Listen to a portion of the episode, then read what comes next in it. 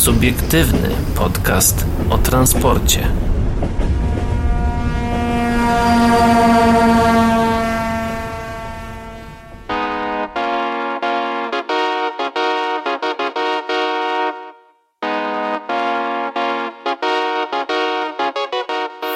Nazywam się Marian Misiak, reprezentuję Tory Press. Cześć, z tej strony Maciek Janus z wydawnictwa Tory Press. Czy moglibyście w ogóle powiedzieć na początku coś o sobie? Czym wy się prywatnie zajmujecie? Jest nas czterech w ogóle współautorów tej publikacji, o której dzisiaj rozmawiamy, czyli o kulcie jednostki. Każdy z nas zajmuje się trochę inną działalnością. Jesteśmy grupą e, przyjaciół, natomiast to, co jest wspólne dla nas wszystkich, to zawody albo działalność e, związana z kulturą wizualną albo z projektowaniem e, grafiki użytkowej. My jesteśmy, najkrócej rzecz biorąc, jesteśmy projektantami. Mm, skąd wziął się pomysł na napisanie kultu jednostki? No bo jednak jest to temat y, mocno kolejowy, mocno, y, mocno branżowy, a jednak jako, no jak rozumiem, osoby niezwiązane z, z, z transportem szynowym postanowiliście podjąć takie przedsięwzięcie i, i, i stworzenie takiego albumu w ramach waszego wydawnictwa, no i wraz z całym wydawnictwem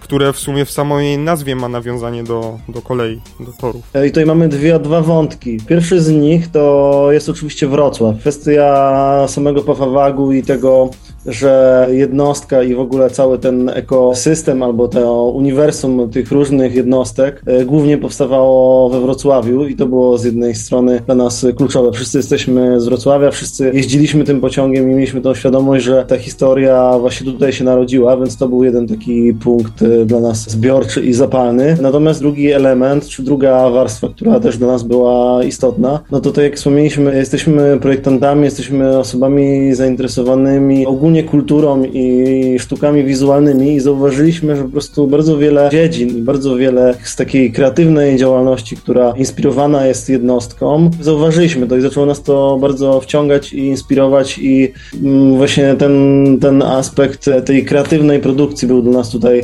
e, kolejnym elementem, który nas to wciągnął. No a trzeci aspekt, no to oczywiście po prostu wielka miłość do przemieszczania się i podróżowania koleją. Czyli można powiedzieć, że w jakimś stopniu jesteście Mikolami trochę. Pewnie w pewnym jakimś sensie tak. No na pewno spędziliśmy trochę czasu na dworcach i, i na kolei e, zbierając informacje do tego albumu. Czy jesteśmy takimi klasycznymi Mikolami e, nerdowymi? E, może nie, na pewno nie posiadamy tak obfitej wiedzy na temat kolejowy, jak posiadają e, choćby ludzie, z którymi żeśmy rozmawiali. No ich wiedza przerasta nas powielokroć, e, więc e, tutaj na pewno jesteśmy z tyłu listy, ale tak, jesteśmy wieloma fanami, zawsze mamy aparat przy sobie, kiedy jesteśmy wzdłuż terenów kolejowych, także i tak i nie, no. Na pewno cała nasza czwórka wierzy w kolej jako w środek transportu i, i, i to też było ważne dla nas, bo bez tego, chyba jakby bez wyznawania tych wartości nie zajęlibyśmy się tym, e, tym albumem.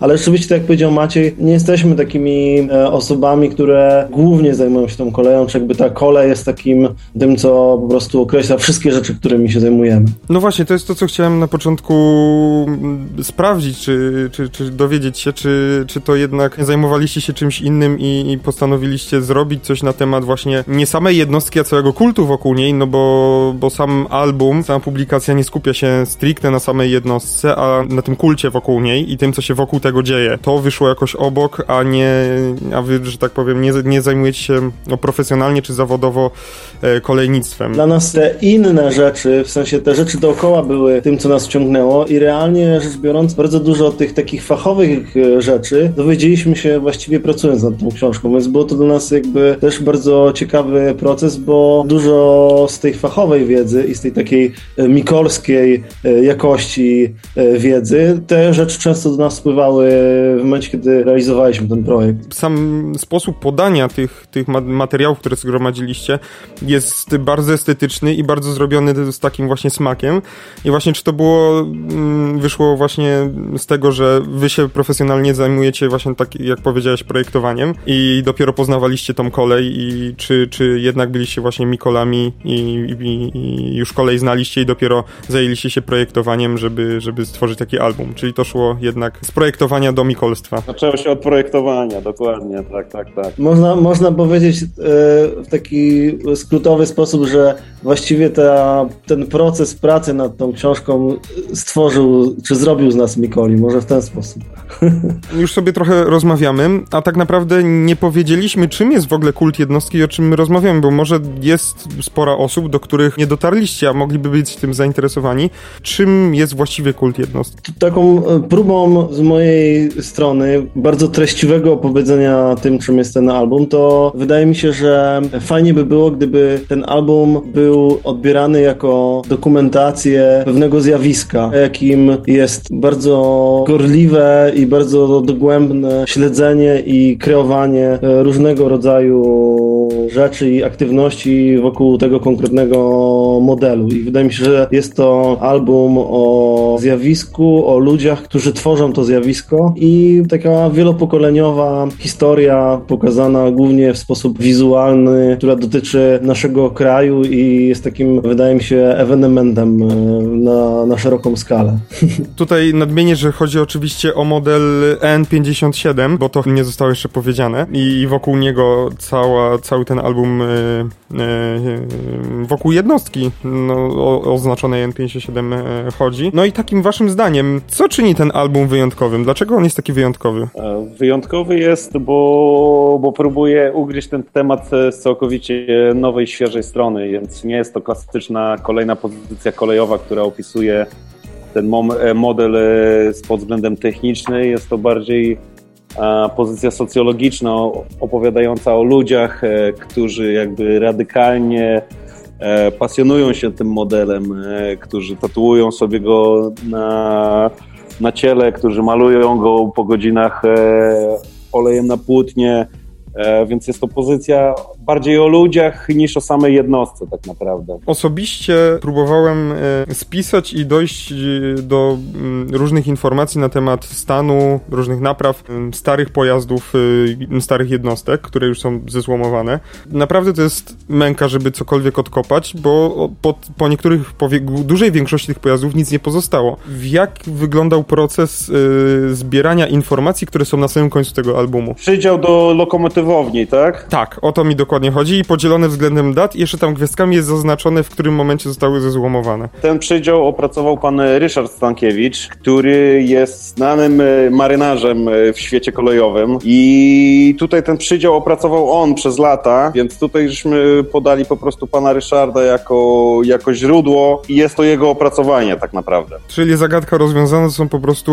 dane gromadzone już od lat. Ale ogólnie e, pytanie dotyczące dat jest tutaj tutaj dobrym pytaniem i w ogóle da, danych um, różnego rodzaju, e, ponieważ e, w różnych tych publikacjach, ale też również na Ilostanie, notorycznie spotykaliśmy się z rozbieżnością dotyczącą różnego rodzaju danych, lat powstawania, lat e, zmian i tak dalej. Ten e, ilostan, który był przez nas bardzo mocno przeczesywany, też oczywiście posiada bardzo wielkie rozbieżności, więc był to dla nas taki ogólnie bardzo duży problem z uwiarygadnianiem tych informacji w bardzo różnych miejscach. Natomiast to, co może być ciekawe, to jest to, że w pewnym momencie po to, żeby mm, te ilościowe dane zebrać i zwizualizować w postaci graficznej, E, zrobiliśmy taki Excelową tabelkę, gdzie po prostu staraliśmy się kolejka po kolejce przerzucić i zgromadzić po prostu wszystkie te informacje o wszystkich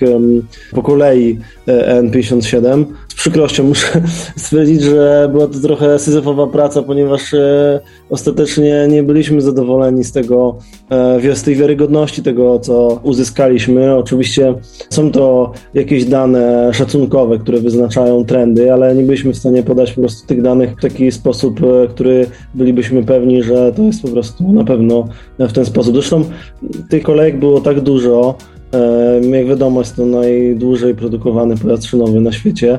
E, z drugiej strony tak długo trwała jego produkcja, bo 30 lat nie jest to krótki okres czasu. Pewnie z samej, samej tej kwestii ta różnorodność tych i ta rozbieżność po prostu wynika z tego, z tej specyfiki. E, natomiast jest to, jest to dobre pytanie, bo, bo te źródła są problematyczne. No właśnie, bo też ciekawi, ciekawi mnie to, jak w przeróżnych danych, które zebraliście, i jak uwzględnialiście też różne niez, niezgodności, nawet nie, nieścisłości, można tak to nawet nazwać, gdzie jednostka N77 była tworzona z trzech różnych N57 i, no właśnie, i tak powiem, pojazd, który został przeznaczony na, na, na, na złom, tam wyciągano jeden jeden wagon z niego i, i umieszczano w jakimś innym pojeździe i no i czy można go uznać za zezłomowanego? No niby trochę jeździ. Wydaje mi się, że to też pokazuje trochę w pewnym sensie niemożliwość dojścia do tego w klarowny sposób, jak powinna wyglądać ostatecznie ta liczba. Wydaje mi się, że to jest zawsze trochę na zasadzie gwiazdki, że tak wygląda przybliżona dana, albo tak wygląda po prostu jakby bardziej ten trend, e, niż jakaś konkretna, finalna jedna cyfra. To właśnie w tym pojeździe jest takie wyjątkowe, że no nie jest po prostu jednoznaczny w żaden sposób. O, no w sumie tak. Myślę, że myślę, że tak no, należy do tego podejść, jest to po prostu tego typu fenomen, że tutaj określenie, jego zaszufladkowanie w również tych tych kwestiach danych statystycznych jest bardzo trudne. Pojawiają się w waszej publikacji różne wywiady z różnymi osobami. Między innymi są to osoby reprezentujące różne instytucje, na przykład Szybka Kolej Miejska w Trójmieście i Instytut Kolejnictwa. Jak takie instytucje państwowe patrzyły na was? Czy, czy podchodziły do tego poważnie i, i pomagały wam? Czy musieliście jednak przekuwać tak zwany, tak zwany beton? Nie, wydaje mi się, że w przypadku akurat SKM-ki poszło to dość płynnie. Dokładnej historii już nie pamiętam, jak, e, jak żeśmy weszli w komunikację. Wydaje mi się, że się odpierało to na mailu i pan Złotoś, który był e, wtedy człowiekiem od PR-u, po prostu nas zaprosił tam e, do Gdyni. Spędziliśmy tam bardzo miły dzień, zarówno z pracownikami, jak i z dyrektorem panem Pipkę i z panem Złotosiem, którzy udzielili wywiadu do tej książki. Oprowadzili nas po hali i spędziliśmy naprawdę z nimi sympatyczny dzień. Oni sami nie wiedzieli do końca, czym będzie kult jednostki w tamtym momencie, kiedy udzielali tego wywiadu, więc chyba byli po prostu zaciekawieni, że przyszli, przyszli jacyś ludzie niby, niby, niby w mikolskim celu, ale chcą zrobić e, całkowicie co innego, więc e, tutaj z zaciekawieniem i z zainteresowaniem nas zaprosili. Podobna była sytuacja w innych, w innych jednostkach, tak jeszcze patrzę właśnie z kim współpracowaliście, no na przykład yy, zakład linii kolejowych chociażby. Tak, było to podobnie.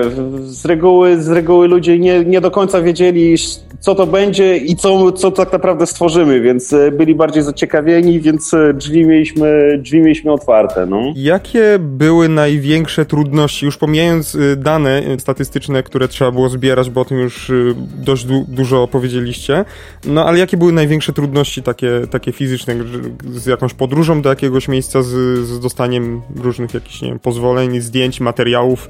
Co, co było takim największym wyzwaniem? Znaczy ja myślę, że a propos samego materiału, to mieliśmy takie wyzwanie, które dałoby się określić mianem klęski urodzaju. I to był trochę nasz problem. W związku z tym, że dostaliśmy summa summarum tak dużą ilość zdjęć i w pewnym momencie tak, tak dużo tego materiału do nas spłynęło i udało nam się też odwiedzić różne, tak jak wspomnieliśmy, instytucje, które udostępniły nam swoje archiwa. Dostaliśmy archiwa prywatne od wielu ludzi, często były to archiwa wielopokoleniowe, gromadzone przez nie tylko te osoby, ale jeszcze osoby mm, z rodziny e, i tak dalej, i tak dalej, więc w pewnym momencie, kiedy było już dosyć e, późno, w sensie jakby blisko E, wydania. My musieliśmy po prostu sprostać z selekcją tego i to rzeczywiście było bardzo skomplikowane w tym sensie, że było tego bardzo dużo. Nas jest czterech autorów, każdy miał jakieś e, swoje preferencje i samo po prostu przebrnięcie przez kilkanaście tysięcy zdjęć, y, o ile się nie mylę chyba, Maciej może mnie poprawić. Tak, no jakoś tak. No. To, to po prostu poszło w tygodnie. Naprawdę to nam e, zajęło tygodnie. Do samego ostat końca gdzieś tam podmienialiśmy te materiały bo cały czas po prostu byliśmy niezadowoleni, za każdym razem po prostu można było tych wariant, te warianty mnożyć i dodawać i zamieniać i generalnie ja osobiście wspominam ten proces jako jeden z takich bardziej hardkorowych, niemiłych i w ogóle dramatycznych. Mm, nie wiem, no, co, co Maciej na ten temat uważasz? No to, to na pewno e, sam proces selekcji był, e, był bardzo ciężki. Wiemy na pewno, że wiele wspaniałych zdjęć i nie umieściło się w tej publikacji, bo wtedy potrzebowalibyśmy tak naprawdę dwa razy grubszy tom, jak i nie trzy razy, co już by było na pewno problematyczne w samej jakby obsłudze takiej książki. Tak, no logistyka, no y, współpracowało z nami ponad 200 osób, więc e, sama koordynacja mailowa, telefoniczna, e, spotkaniowa, mm, no było to, było to naprawdę wielkie przedsięwzięcie.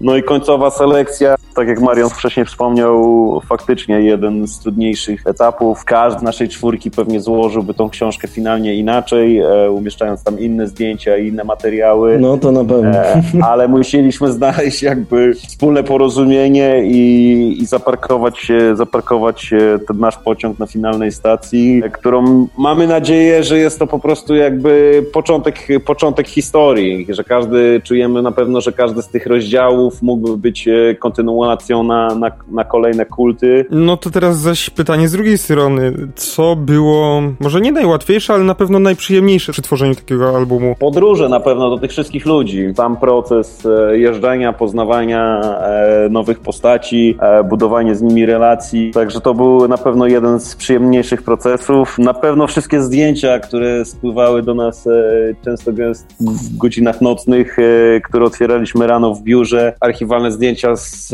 z Chorwacji, czy, czy z Lubiany, czy archiwa od e, pana Piotra Żurka. No to były momenty, które naprawdę budziły nam ciary i, i byliśmy bardzo zadowoleni. No. Ja się tutaj zupełnie zgadzam z Maciejem, że w sumie takim e, jednym z najprzyjemniejszych elementów tego e, procesu było to, że rzeczywiście w ramach tego trwania tego, tej pracy. Bardzo dużo rzeczywiście rzeczy udało nam się dowiedzieć, dużo ludzi udało nam się poznać, i ogólnie ten moment takiego właśnie odkrywania tego, tych różnych e, niuansów, aspektów i tych różnych sposobów patrzenia na ten, e, na ten pociąg przez tych różnych e, rozmówców, których mamy tam około 20, było na pewno takim odświeżającym i bardzo edukacyjnym w ogóle elementem tego, tego, tej, tej przygody. Kiedy mieliście i czy w ogóle były takie chwile zwątpienia, że to w ogóle nie wypali, no bo tak jak mówiliście, tyle materiałów, te dane statystyczne, które zbieraliście, no one się nie kleiły ze sobą.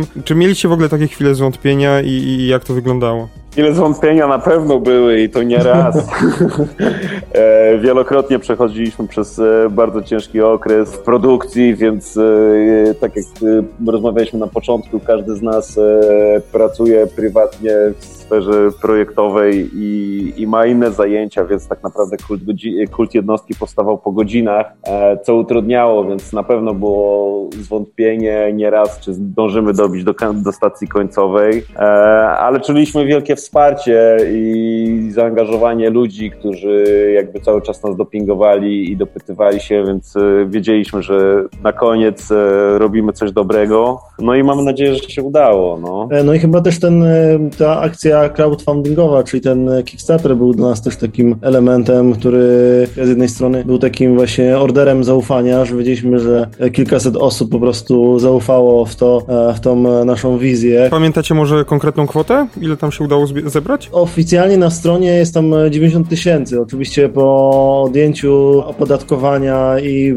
e, samego e, Kickstartera, który sobie przejmuje też swój procent tych pieniędzy, ostatecznie dużo mniej wpływa na, na konto, ale rzeczywiście była to suma taka, która pozwoliła nam wydać e, ponad 500-stronicową książkę z ponad tysiącem reprodukcji i kilkunastoma wywiadami, więc też ten, wydaje mi się, ten element tej zbiórki był dla nas takim ważnym momentem tego, żeby po prostu rzeczywiście to spiąć i jakby w pewnym sensie też jakby nie było już e, planu B, prawda? Mieliśmy już po prostu i to zaufanie, i tą udaną e, zbiórkę oddolną, e, więc tak naprawdę już po prostu musieliśmy jak najszybciej dowieść to na, na ten ostateczny peron. Już odchodząc od samego kultu jednostki, a skupiając się bardziej na, na, na waszym wydawnictwie. Skoro postanowiliście założyć wydawnictwo, to czy coś więcej w temacie kolejowym macie zamiar wypuścić? Sama nazwa naszego teamu, Tory Press, może trochę wskazywać, czy trochę ukierunkowywać na to, że jest to projekt e, stricte związany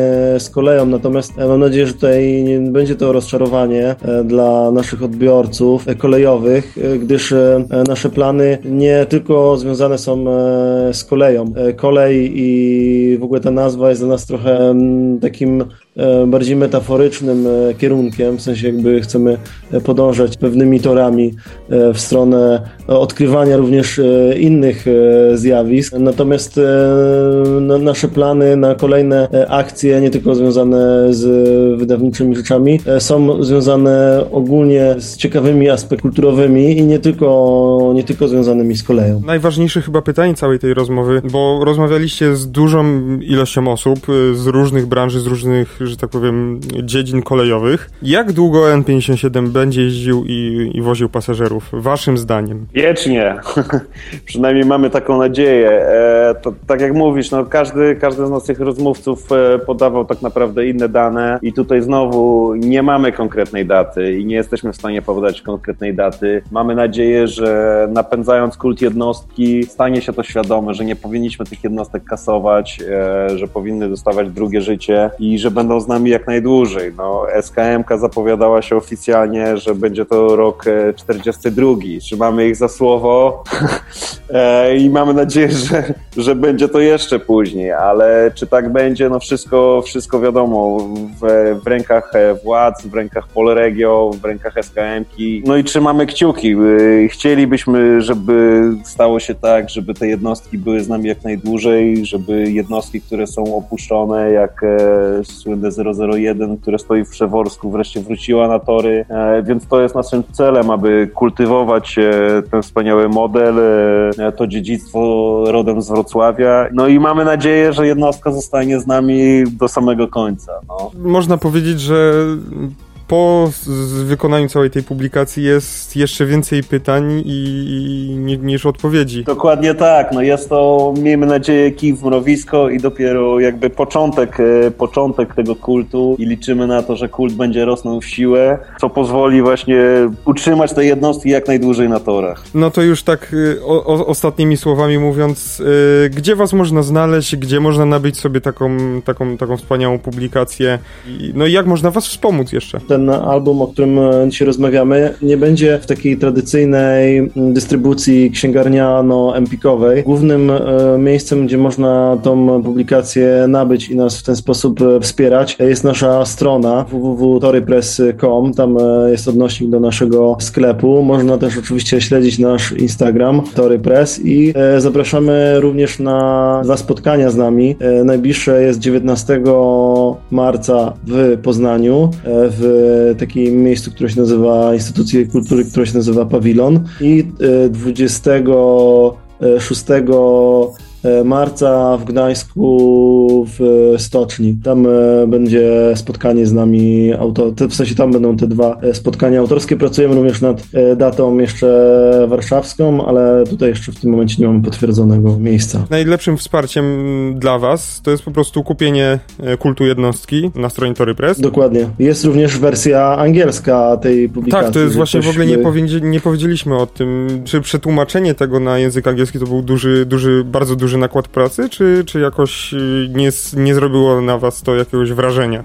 Był to bardzo duży nakład pracy. E, tłumaczy, w tłumaczeniu pomogła nam e, Olga Drenda, to znana osoba i znana tłumaczka, więc na pewno było to wyzwanie, ponieważ również technicznie e, oczywiście podniosło to nakłady i pracy w samym składzie i w samym druku, więc mamy nadzieję, że przełożenie tego na język angielski pomoże jednostce, czy informacji o tej jednostce, czy, czy też informacją o tych pasjonatach wypłynąć poza e, granice naszego kraju. E, tytuł tej angielskiej wersji, nie, znaczy tytułu nie dało się przełożyć w jeden do jeden e, tego, tej, tej, tego polskiego tytułu, gdyż jest to pewnego rodzaju gra słowem, prawda? Natomiast ta angielska wersja nazywa się Radical Passion, więc radykalne pasje. Mm, w języku angielskim można. E, Dokładnie. Jeszcze ja tutaj bym chciał dodać, że ta wersja angielska e, ku naszemu zaskoczeniu już e, znalazła sporą rzeszę fanów właśnie zarówno w Niemczech, Austrii, we Francji, jak i